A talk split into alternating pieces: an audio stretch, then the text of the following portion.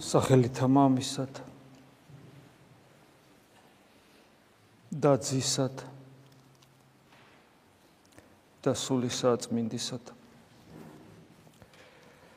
კითხულობთ რა წმინდა მამათა თხოზულებებს და მათ გამოცდილებას ვეცნობით? ხედავთ როგორ რეალიზდებოდა მათში უფლის ნეტარებიდან ერთ-ერთი ნეტარი გლოვარენი. რამეთ ვიგინი ნუგეშინის ცემული იქნენ და ეს გლოვარება მათი როგორ ეფუძნებოდა მათ მონატრებას ღმერთისა. ადამიანებს რომლებსაც ღმერთი ენატრებათ აი წმინდანობის ერთ-ერთი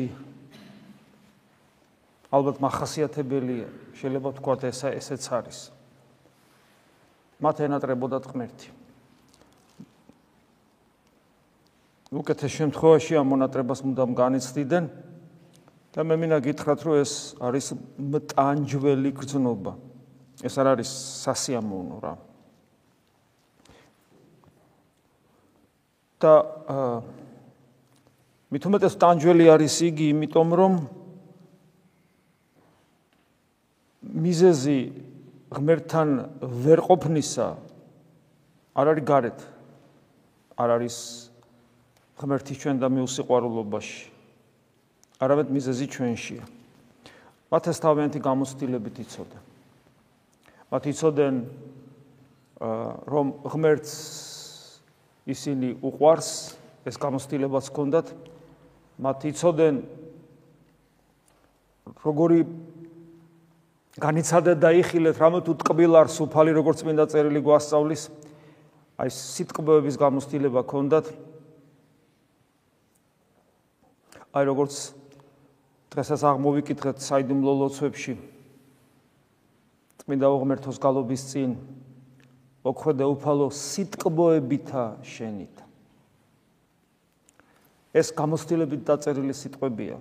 მე ამაზე ადრეს მithქვავს თქვენთვის სიტყვებასთან დაკავშირებით ეს არის გამოცდილებით დაწერილი სიტყვები. წმინდა წერილშიც და მე როცა უკვე წმინდანები ამ სიტყვას იმეორებენ, გამოცდილებით დაწერილი სიტყვები.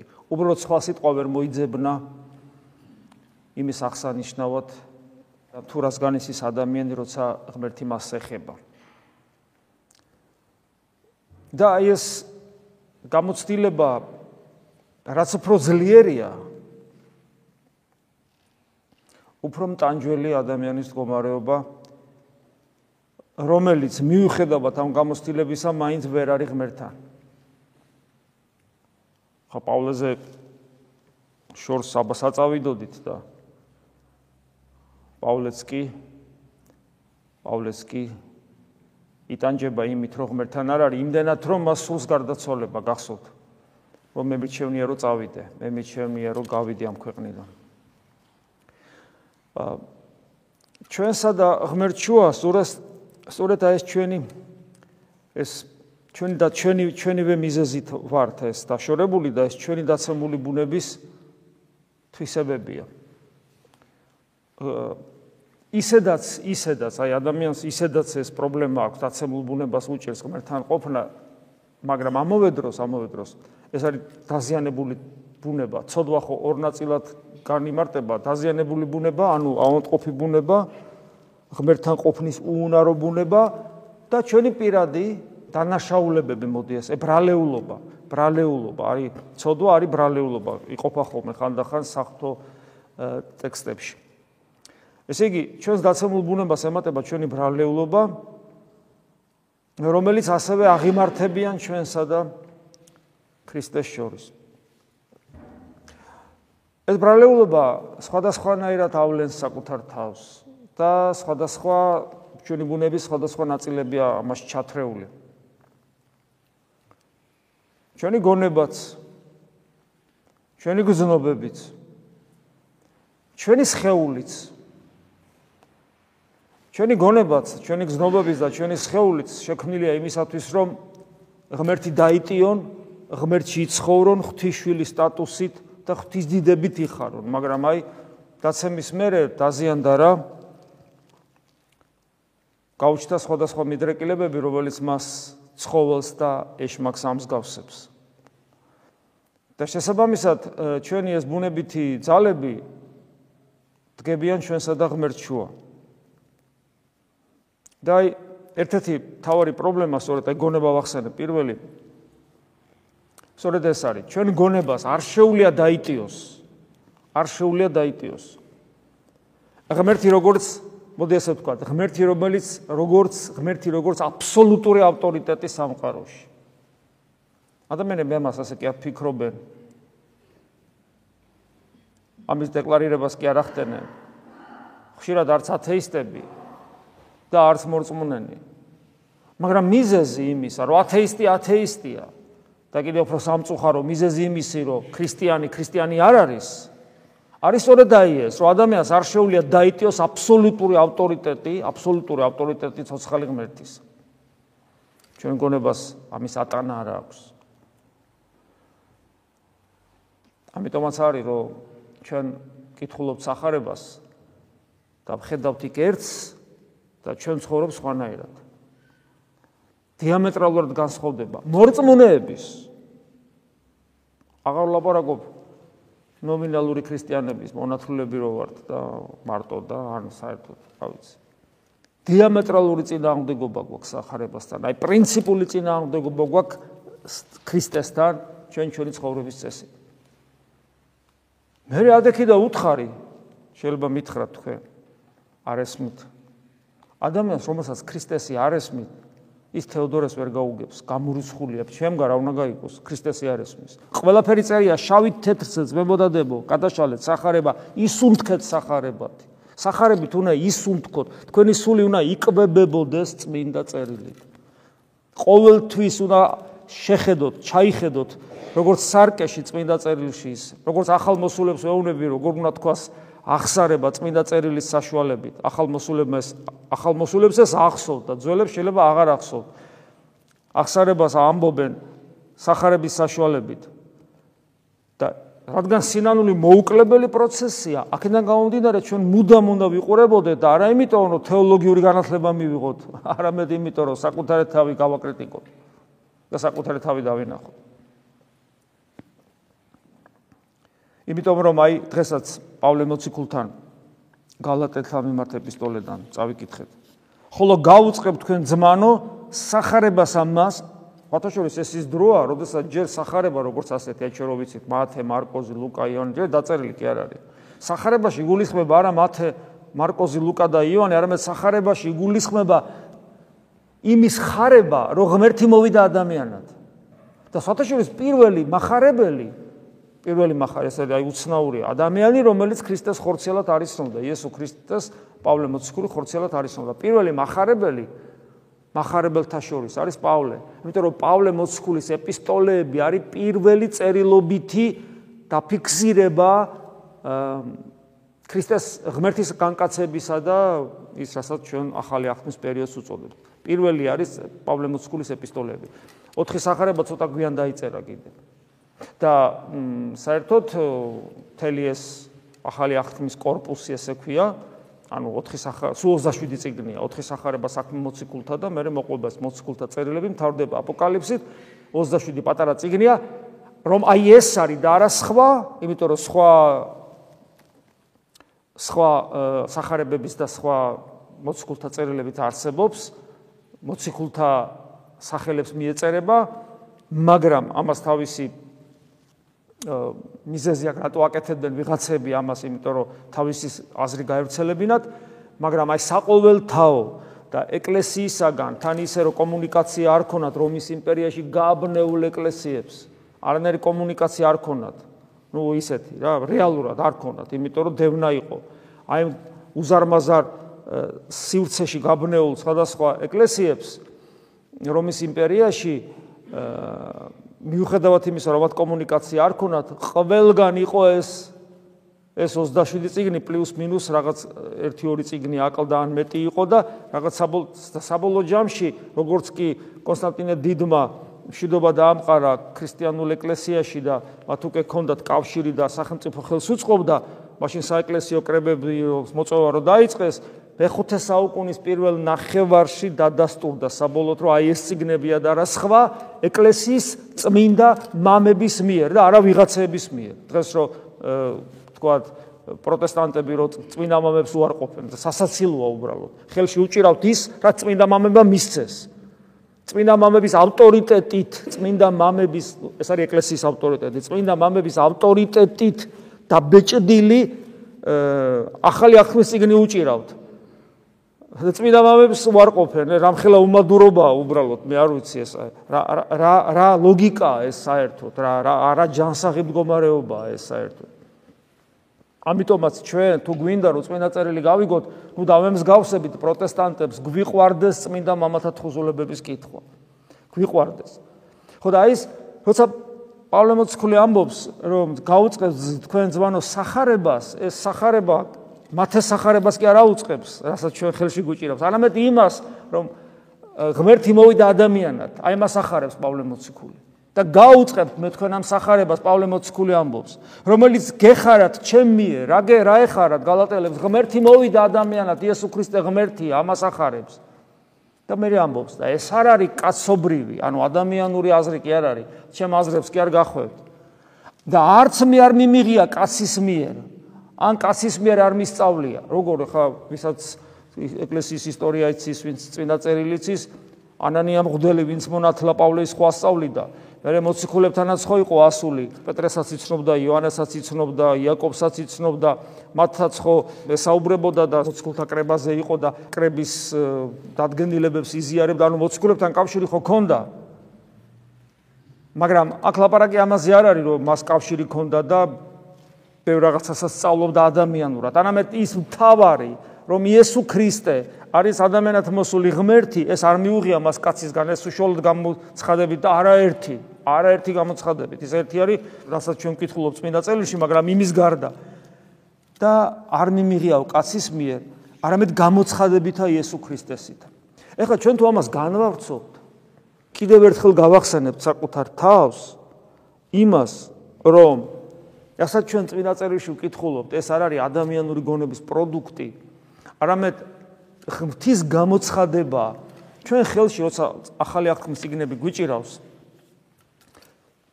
აი ახალი აღთქმა რო აწერი, ახალი აღთქმა. მაღაზიაში იყიდება ყველგან, ყველგან როგორ საეკლესიო მაღაზიაში. და ხელში რო გიჭირავს ეს. ეს ისიც რა გიჭირავთ ხელში? თქვენ გიჭირავთ ხელში ღვთის ცოცხალი ტრანსცენდენტული ღმერთის უმწვერვალესი გამოცხადება ხელში, ამაზე დიდი გამოცხადება სამყაროში არ არსებობს. ღმერთის ამაზე galaktikების დიადი მეგა სამყაროს შემოქმედი საშინელი სიდიადის ღმერთის ამაზე დიდი გამოცხადება ხელში რო გაქვთ არ არსებობს. მოვიდა ადამიანად და ადამიანურ ადამიანურ ენაზე დაგველაპარაკა. აი ეს გიჭირავთ ხელში.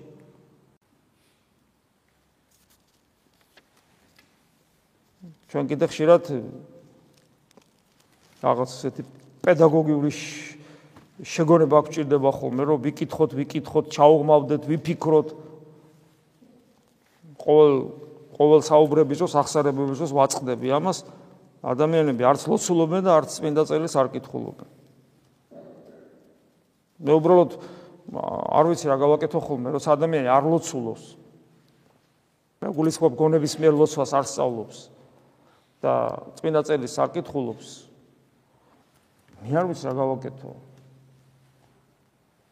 ანუ რა გავაკეთო ესეთ ადამიანთან არ ვიცი ანუ მე ხო თქვა ვალდებულება მაქვს რომ ადამიანს დავეხმარო და ადამიანი თვითონ რო არ მოძრაობს ხო აი მე რა გავაკეთო არ ვიცი არ ვიცი ასე დროს ну ვეუნები რომ ვეუნები რომ უნდა გააკეთოს და ну კაი ეზიარე ხო ეხლა ქვებს არის სული ამიტომ ეზიარე რადგან ქვებს არის სული ამიტომ ეზიარები მაგრამ ქრისტიანობაა ეგა არ არის ქრისტიანობა. ქრისტიანია ის, ვისაც ქრისტე ისე ენატრება, ვეღარ სუნთქავს.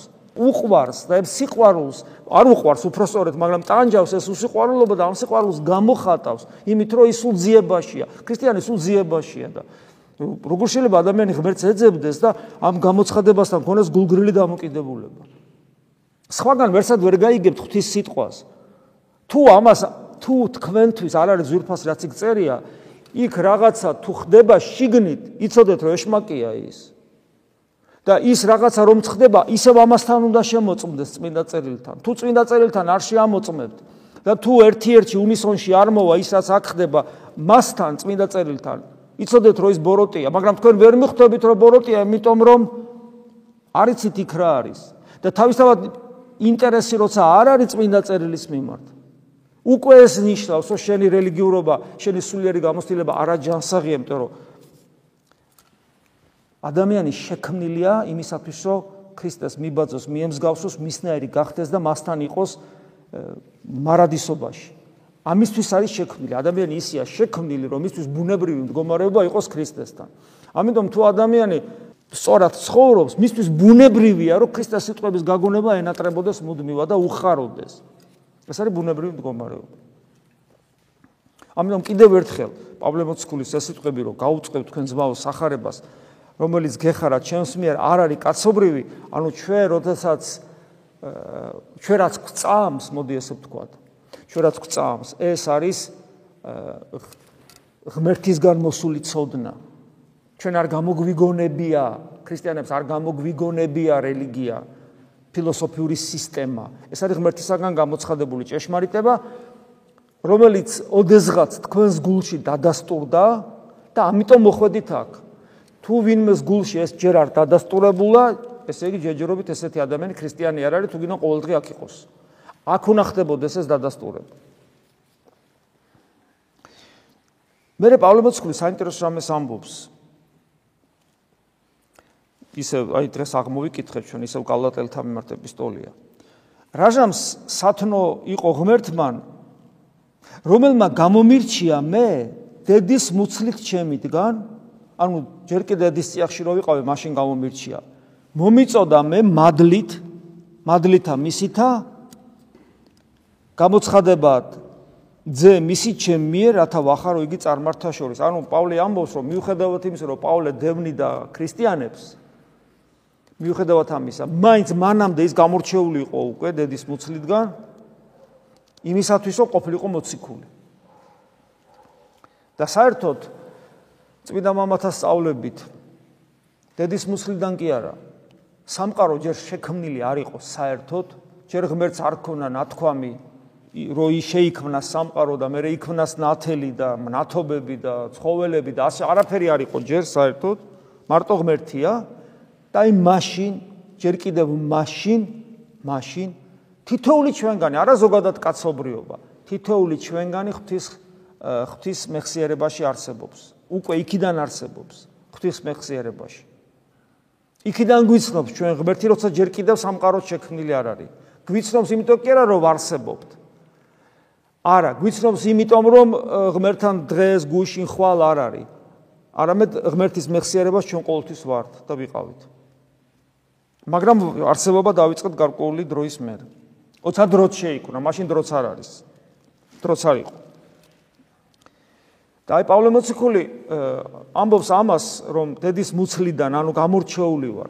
ასე ვარ გამორჩეული თითოული ჩვენგანი, რომელიც აქ დგავართ, აქ კი არა საერთოდ ვინც ვინც ქრისტე შეიცნო, ყველას უნდა გვახსოვდეს, რომ ჩვენ ღმერთი გვიცნობს იქიდან მოყოლებული, ჯერ კიდე სამყარო რომ არ არის შექმნილი და სამყაროს ქმნის ჩვენს გამო, ჩვენს გამო.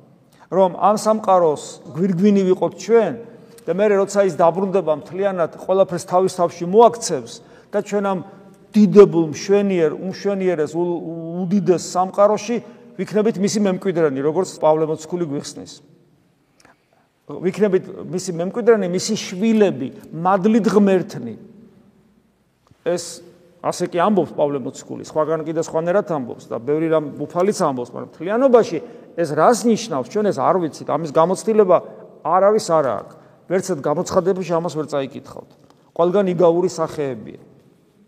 მაგრამ თვითონ ის ფაქტი რომ მე ვიცი ეს მჯერა წამს რატომ ჯერა რატომ წამს იმიტომ რომ ქრისტიანი ვარ. ქრისტიანს არ შეიძლება აი არ შეიძლება რომ ადამიანი აი ხანდახან არის ხოლმე ახალმოსული ადამიანები რაღაც პრობლემით რომ მოდიან მეუბნები თქვენ ან ოჯახის წევრზეა საუბარი ქრისტიანულად ცხოვრობ და ხშირად ესეთ რამეს აიცი აი რაღაც რაღაც ცოტათი ცხოვრობ და რაღაც მეთქი ვამბობ ასე დროს ვეუბნები რომ არ არსებობს ის არა ქრისტიანობა, არ არ არსებობს სანახევრო ქრისტიანობა, არ არსებობს აი რაღაც ესეთი პასუხი, რომ ხო აი რა ვიცი. ან ხარ, ან არა ხარ.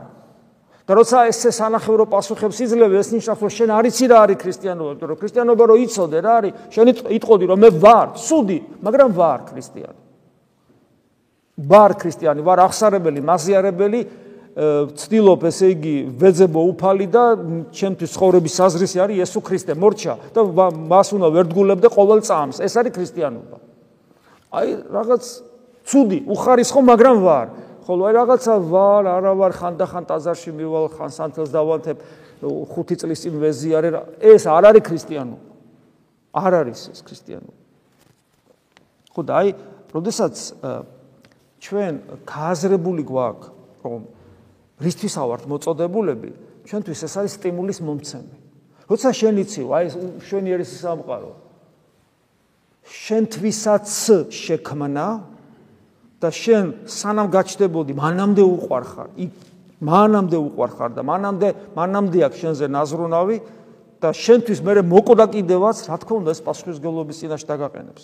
აი მე მინდა წაგიკითხოთ წმინდა სოფრონ ინგლისელის საინტერესო სიტყვები, რომელიც მის ერთ თხუზულებაშია ვიხილოთ ღმერთი როგორიც ის არის ესეთ რამეს ამბობს წმინდა სოფრონი მოწოდების შესაბამისად. მოწოდება აი მოწოდება რომ ღმერთის შვილები უნდა ვიყოთ. ღმერთის შვილები უნდა გავხდეთ. ეს არის ჩვენი მოწოდება. არაფერი ამაზე ნაკლები არა ვინც ფიქრობს რომ ამაზე ნაკლები უნდა იყოს ის ქრისტიანი არ არის. ღმერთის შვილობაა ქრისტიანობა და აი ესე ამბობს. მოწოდების შესაბამისად ცხოვრებისათვის აუცილებელია. რისთვისაც მოგვიწოდა ქრისტიანები ქვია. აი ამ მოწოდების შესაბამისად პავლე მოციქულიც ამბობს არ დაგავიწყდეთ რისთვის ახართ მოწოდებულები ამ მოწოდების შესაბამისად რომ ვიცხოვროთ აუცილებელია ვიცოდეთ რომ ჯერ კიდევ სამყაროს შექმნამდე ვიყავით ჩაფიქრებულნი რა თქმა უნდა ღმერთისგან როგორც სრულყოფილი ქმნილებანი სრულყოფილი, რატო სრულყოფილი? იმიტომ რომ ღვთისშვილი უნდა გახდე. ეს არის სრულყოფილი ქმნილების და ეს ღვთისშვილობა მექანიკური პროცესი კი არ არის, თოჯინა კი არ ახარ. თოჯინა, არამედ ცოცხალი ღვთისშვილი, ანუ თავისუფალი. რომელსაც თვითონ უნდა ეს ღვთისშვილობა. ესე იგი, სამყარო შექმნა და ვიყავით ჩაფიქრებული როგორც სრულყოფილი ქმნილებანი, რათა ამ მოწოდების, ეს უნდა გვახსოვდეს, რათა ამ მოწოდების შესაბამისად ვიცხოვროთ. აი როცა ადამიანს მონაზნობა უნდა სანამ გახდება მონაზონი მონაზნობის ცხოვრებით უნდა იცხოვროს სანამ ღდლობა უნდა თუ ღდლობა უნდა სანამ ღდელი გახდება ღდლობის ცხოვრებით უნდა იცხოვროს. ანუ გესმით შინაგანად უნდა დაიწყოს ადამიანმა ცხოვრება ისეთი რაც უნდა მე მას რეალურად. შესაბამისად მოწოდების შესაბამისად ვიცხოვრო ანუ როგორც ღვთისშვილებმა ჩვენ უნდა ვეცადოთ აქვე ვიცხოვროთ. ამის უგულებელს ყოფა. არა მხოლოდ შეცდომა უგულებელს ყოფაში რა იგულისხმება? აი ეს თანამედროვე ქრისტიანები რას საკეთებენ? არა, ნუ მე ხო წმინდანი არა ვარ და მე ხო მე ხო მე ერთი ცოდვილი ადამიანი ვარ და უპასუხისგებლობა. და წმინდა სოფრონი ამბობს, რომ ამის უგულებელს ყოფა, რომ შესაბამისად ვიცხოვროთ. არა მხოლოდ შეცდომა. ანუ შეცდომას კი არ უშვებს ადამიანი, არის ის და ეს სისულელეს ამბობს, რომ ეს ეს მას არ ეხება, ეს დიდებს ეხება და ამას არ ეხება. ეს მხოლოდ შეცდომა არ არის, არამედ დიდი ცოდვაცაა. საკუთარ თავში და მით უმეტეს მოყვაში წარუვალი ღვთაებრივი ღირებულების დაუნახაობით ცოდვა ცოდვა და ნახეთ ცოდვა ხო არის და საკუთარ თავში წარუვალი ღვთაებრივი ღირებულების დაუნახავით საკუთარ თავში და მით უმეტეს მოყვასში ადამიანები მხეცების მსგავსნი ხდებიან და ადვილად იმეტებენ ერთმანეთს თვით მოსაკლავადაც კი რასაც ჩვენ ხედავთ არა მარტო დღეს არამედ სამყაროში დაწყებული კაენიდან. აი ესე ცხოვრობს ადამიანი. ესე. და აი დღეს ლუკას სახარებაში გახსოვთ ხო ناقოფები სხვადასხვა ناقოფის გამოღება თესლის ხანს სხვადასხვანი ადაგში რო واردება და მე კეთილნი ადაგში რო დავარდება რა ხდება? ხოლო რომელი იგი კეთილსა ქვეყანასა დაეთესა? ესე არიან რომელთა გულითა კეთილითა და სახიერითა ისმინიან სიტყვა და შეიგრძალიან და ناقოფი გამოიღიან მოთმინებით. და ნახეთ რა საინტერესოა. სიტყვა, ღვთის სიტყვა ტვინით კი არ მიიღესო, კეთილი გულით, კეთილი და სახიერი გულით. გულით. აი მე დასაწყისში გითხარით, რომ ჩვენ ჩვენი გონებითაც უარყოფთ ღმერთს და არა მარტო ჩვენი გონებით, გონებითაც უარყოფთ. გულითაც უარყოფთ. ნებელობითაც უარყოფთ. და ხორცითაც უარყოფთ. და სხვათა შორის აი ეს ტენდენცია რომ ადამიანი ნელ-ნელა უარყოფს ქრისტეს უკვე ჯვარცმულს ამაღლებულს გაქრისტიანებული კაცობრიობა რომ ნელ-ნელა უარყოფს ქრისტეს გაქრისტიანებული კაცობრიობა ეს კარგად იკითხება თქვათ თანამედროვე ცივილიზაციის ისტორიაში გაქრისტიანებული როგორ როგორ ნელ-ნელა ნელ-ნელა გადაგვარდა კაცობრიობა როგორ როგორ ჯერ ესე იგი გონებით ეჭვი შეიტანეს. ავტორიტეტი აღარ იყო მათთვის წმინდა წერილი. ავტორიტეტი აღარ იყო წმინდა წერილი. ჩათვალეს რომ ნუ ავტორი აი რას თავიდან გითხარით? ღმერთი არ არის ავტორიტეტი წმინდა წერილი. ავტორიტეტი ალოგიკურად მოეჩვენათ აქედან იქნებოდა იქმნება ეს ფილოსოფიური სისტემები. რატო იქნება დასავლეთში ეს ფილოსოფიური სისტემები? ყველაფერი მოცემულია, რაღა გინდა. ფილოსოფია თუ გინდა, აგერ ბრეზდული ფილოსოფია არსებობს, გადასარევი და კიდე ჩინური ფილოსოფია, გადასარევი, სანამ ქრისტე მოვიდოდა. ქრისტე რომ მოვიდა, რას ეძებ? აი რას ეძებს გერმანული ფილოსოფოსი? რას ეძებს? აზროვნებას კი არ უგზავნავთ ვინმეს. მაგრამ აღარ ენდობა წმინდა წერილს, აღარ ენდობა წმინდა წერილს. პროტესტანტიზმიც ამაშვა მერე და ასე შემდეგ. არ ენდობა, იმიტომ რომ ლოგიკურად არ ეჩვენება. გესმით, არ ეჩვენება და არ უნდა რომ თავის გონებას ვიღაცა ავტორიტეტი კონდეს, ყავდეს. ამიტომ შესაბამისად ფიქრობს, რომ თვითონ უნდა მიხვდეს, თვითონ უნდა გაიაზროს. გონებაში არ ჯდება ის, რასაც წმინდა წერილი ლაპარაკობს. და აინახეთ პავლე მოციქული რას ამბობს. კეთილი გულით. ანუ ძლიერი ინტელექტით კი ვერ იგებ ღვთის გამოცხადებას, არამედ კეთილი გულით იგებ. კეთილი გული, ანუ რას ნიშნავს კეთილი და სახიერი გული? განწმენდილი გული. ნეტარი ყან წმინდანი გულით არამედ თუ მათ ღმერთი იხილონ. მაგრამ გული არ არის განწმენდილი. შესაბამისად გულს არც ენდობა ამ ეტაპზე. პირველი ეტაპი ესეთი იყო, ჯერ გონებითი ეჭვი შეიტანა. აი უკვე თელი რიგი მწვალებლობები, როგორი მწვალებლობებს, ერესი არხები ვინ იყვნენ? ერესი არხები ვინ მწვალებლობებს ქლიან ეკლესიაში, ყველა იყო გონიერი ადამიანი. არიოზი გონიერი იყო, ნესტორი გონიერი იყო, ორიგენე გონიერი იყო, ყველანი გონიერი ადამიანები იყვნენ, ინტელექტუალები იყვნენ, ძლიერად მოაზროვნეები იყვნენ და ყველას პრობლემა შეექმნა. ალამაც ძალიან გენიალური და გონიერი იყო და განათლებული, ბასილდიდი უგანათლებულესი ადამიანი იყო, იონე ოქროპირი უგანათლებულესი ადამიანი იყო. იურისტი იყო და უგანათლებულესი ადამიანი. ანუ განათლებულობის ბრალი კი არ არის, მაგრამ ოდესაც განათლებულობა ინტელექტუალური შემეცნების პროცესი როცა უფრო მაღლა დგება ვიდრე ავტორიტეტი გამოცხადებისა, გამოცხადებისა. და შედეგად მივიღეთ ის, რომ ესე იგი უკვე შეჭვი შეიტანეს და ეს იქნებეს უამრავი სისტემა, რომელიც არც თუ საფრთხო აღმოჩნდა სოციალური ცხოვრებისათვის, იმიტომ რომ პროტესტანტიზმის გაჩენამ ევროპაში ну, მთელი უბედურებები დააწია ომები, იცით, თუ რამ ხელა ომები იყო ევროპაში კათოლიკებსა და პროტესტანტებს შორის. მერე მერე შემოდის ეს რომანტიული განვითარება თუ ამას განვითარება ქვია, როცა გულისადმინდობა უფრო მეტია, რასაც რომანტიზმი ქვია. გული საერთოდ სანდო არ არის, იმიტომ რომ უფალი გვასწავლის, რომ გულიდან თუ რამე უბედურება ხდება სამყაროში, გულიდან ხდება. მერე საერთოდ ჰედონიზმი იმარჯვებს, ქვენაგზნობები, ხორციელი ბუნება და აი დღეს რასაც ვხედავთ სამყაროში, აი ეს არის ناقოფი. როცა შეიწყნარიან, ის ისმინიან ან სიტყვებს, შეიკრძალიან, ანუ ეს უნდა გაითავისო, შენი გახადო და გამოიღო ناყოფი. ოღონ ეს ناყოფი უნდა გამოიღო მოთმინებით. ეს ლუკას სახარების მერვე თავი. და აი რომელთა მიმართ ეპისტოლეში არის ეს სიტყვები პირველი რომელთა მიმართ ეპისტოლეს პირველი თავია. როდესაც ადამიანი თავის გონებას უფრო მაღლა აყენებს, ვიდრე ღმერთს ღმერთის გამოცხადებას. მის მისთვის ეს არ არის საინტერესო, არ არის ლოგიკური, ამიტომ თავის გონების ავტორიტეტს უფრო ენდობა და ნახეთ პავლე მოციქული პირველ საუკუნეში რას წერს. და რა კი არ ეცადნენ გონებით შეენარჩუნებინათ ღმერთი ანუ ღმერთს არ მისცეს ადგილი თავის თავში. ამიტომაც უჯერო საქმეთათვის მისცა ღმერთმა ისინი გაუკუღმართებულ გონებას. ღმერთს რო უარყოფ და ღმერთი თუ არ არის შენთვის ავტორიტეტი, მაშინ გაუკუღმართებული цаრიელი ადგილი არჩება ადამიანში და ასე რომ ახსილნი არიან ასეთი ადამიანები ყოველგვარი უსამართლობით და ბოროტებით. და მე ჩამოთulis უამრავ ცოდვას, რომელიც დღეს ბატონობს სამყაროში. ასეთმა იციან ღვთის სამართალი, რომ ამნარი საქმეთა ჩამდენი სიკვდილის ღირსნი არიან, ანუ შიგნით ის სინდისი მაინც გამხელს, მაგრამ არათუ თვითონ შეჭადიან, არამედ ჩამდენთას თანაუგზნობენ.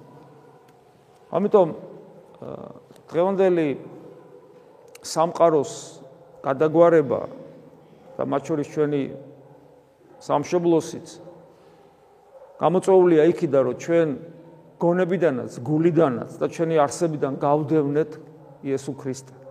ჩვენ არ ვენდობით მის გამოცხადებას, არ ვენდობით წმინდა წერილს და როცა ეკლესიაში მოვდივართ, როცა გვესმის სიტყვა სინანული, სინანულიც რაღაც ისეთი გვაქვს რა. ცოცხალმკვდარი, იმიტომ რომ სინანული სინამდვილეში სინდისის ქეჯნა კი არ არის უბრალო სინანული არის მთელი არსობრივი ცვლილება, მეტამორფოზა მთლიანად ადამიანური ბუნების. მთლიანად უნდა ამოტრიალდეს ადამიანი თუ მას მართლა სინანული აქვს. 180 გრადუსით უნდა შეიცვალოს მისი ცხოვრება. თლიან აი აი არაფერ თითქოს ძველი ადამიანი რაღაც თითქოს ესია ხო ნათლობარი ძველი ადამიანი მოკვდეს და ახალი ადამიანი დაიბადოს ონტოლოგიური არსობრივი ცვლილება უნდა მოხდეს ადამიანში სინანული თუ არის და ჩვენ რას ხედავთ? რეალობა როგორია?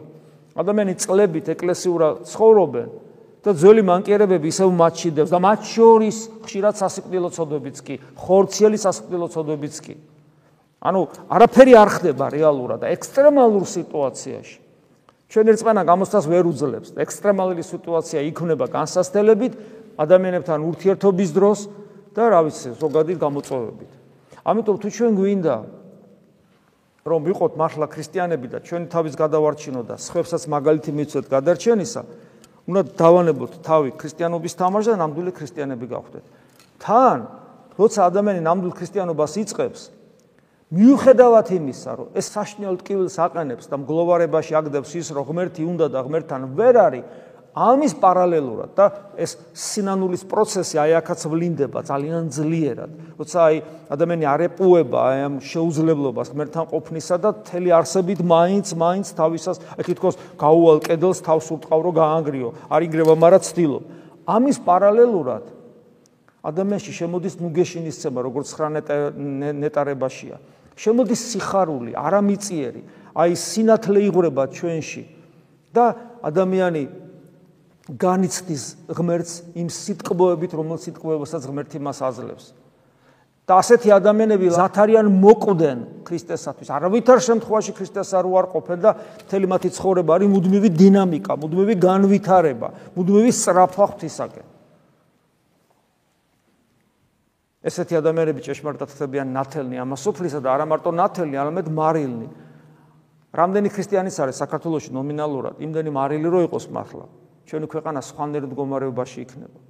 მაგრამ ჯეჯერობით ეს ასე არ არის. პასუხს პირველ რიგში ღმერთი ჩვენ მოგთხოვს. ამიტომ საკუთარ თავსაც გადავირჩენთ თუ სწორად ვიცხოვრებ და ჩვენ ქვეყანასაც, ჩვენ სამშობლოსაც შევეწევით. მადლიუფლისა ჩვენისა იესო ქრისტესი და სიყვარული ღვთისა და მამისა და ზიარება სული საწმინდისა იყოს თქვენ ყოველთა თანა. ამინ.